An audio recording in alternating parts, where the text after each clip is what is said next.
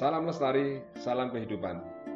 Jumpa lagi dengan saya, Agung BW dari Kota Budaya Yogyakarta. Episode kemarin, saya sudah mengajak Mas Troy berbincang-bincang soal sampah dan gas metana. Nah, kali ini saya juga masih mengajak Mas Troy untuk berbincang-bincang soal sampah juga. Halo Mas Troy, apa kabar? Baik, apa kabar Mas PW hari ini? Sehat? Baik, sehat selalu Mas Troy. Halo Oke. dunia, apa kabar TPST Piungan Mas? Baik-baik saja Mas Troy. Oke, masih nyambung dengan pembicaraan kita episode yang kemarin dan kita kali ini akan mencoba melihat ke masa depan ya Mas Troy.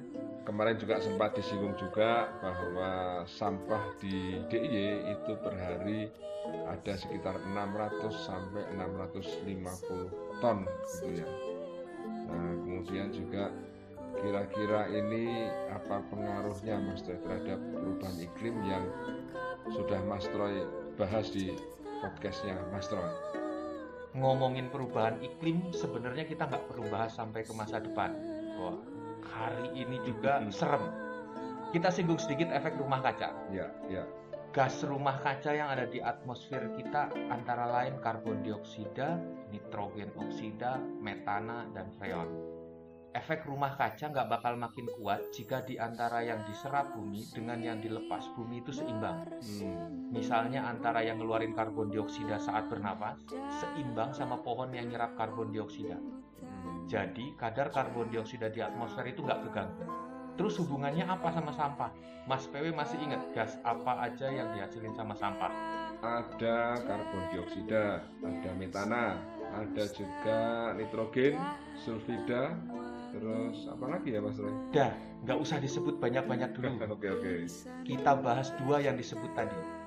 Di atmosfer ada karbon dioksida dan metana, terus sampah itu juga ngehasilin karbon dioksida dan metana. Hmm, ya. Berarti gas-gas yang diproduksi sama sampah itu terus melanglang buana di atmosfer, alhasil bikin efek rumah kaca makin kuat.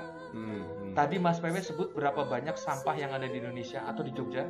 Ya, di Jogja itu ada 600 sampai 650 ton per hari ya. Itu per hari, Mas Troy. Bayangin kalau misalkan itu kita kalkulasikan di seluruh Indonesia itu ada berapa banyak itu kan. Luar biasa itu, Mas Troy.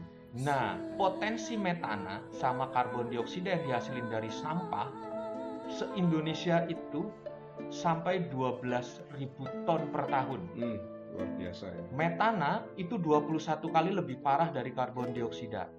Lebih parah lagi kalau sampah-sampah dibakar. Hmm. Makin instan dan lebih banyak karbon dioksida yang beredar di atmosfer. Itu baru di Indonesia.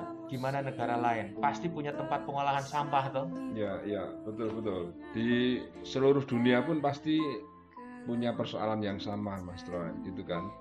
Nah, ada contohnya di Amerika, itu ada yang namanya regional apex, terus kemudian di Laogan dan Jiangzhou di Cina itu yang juga bisa menampung 10.000 ton per hari. Ada juga di Italia itu di Malagrota itu bisa 5.000 ton per hari. Kemudian Sudokwon itu bisa menampung 20.000 ton per hari. Ini kan luar biasa Mas Troy. Betul. Baik negara gede atau negara kecil itu nggak ada bedanya. Hmm, Semua punya sampah ya. dan bumi nggak bisa nyerap semua gas yang dihasilin sampah. Nggak imbang.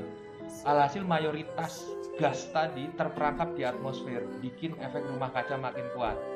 Catatan, ini baru sampah yang ada di tempat pengolahan sampah ya. Ya, Belum termasuk dari pup, manusia Hmm. apalagi ternak yang makin gila-gilaan semakin gencar gara-gara permintaan daging yang naik. Berarti kan sangat jelas Mas Troy.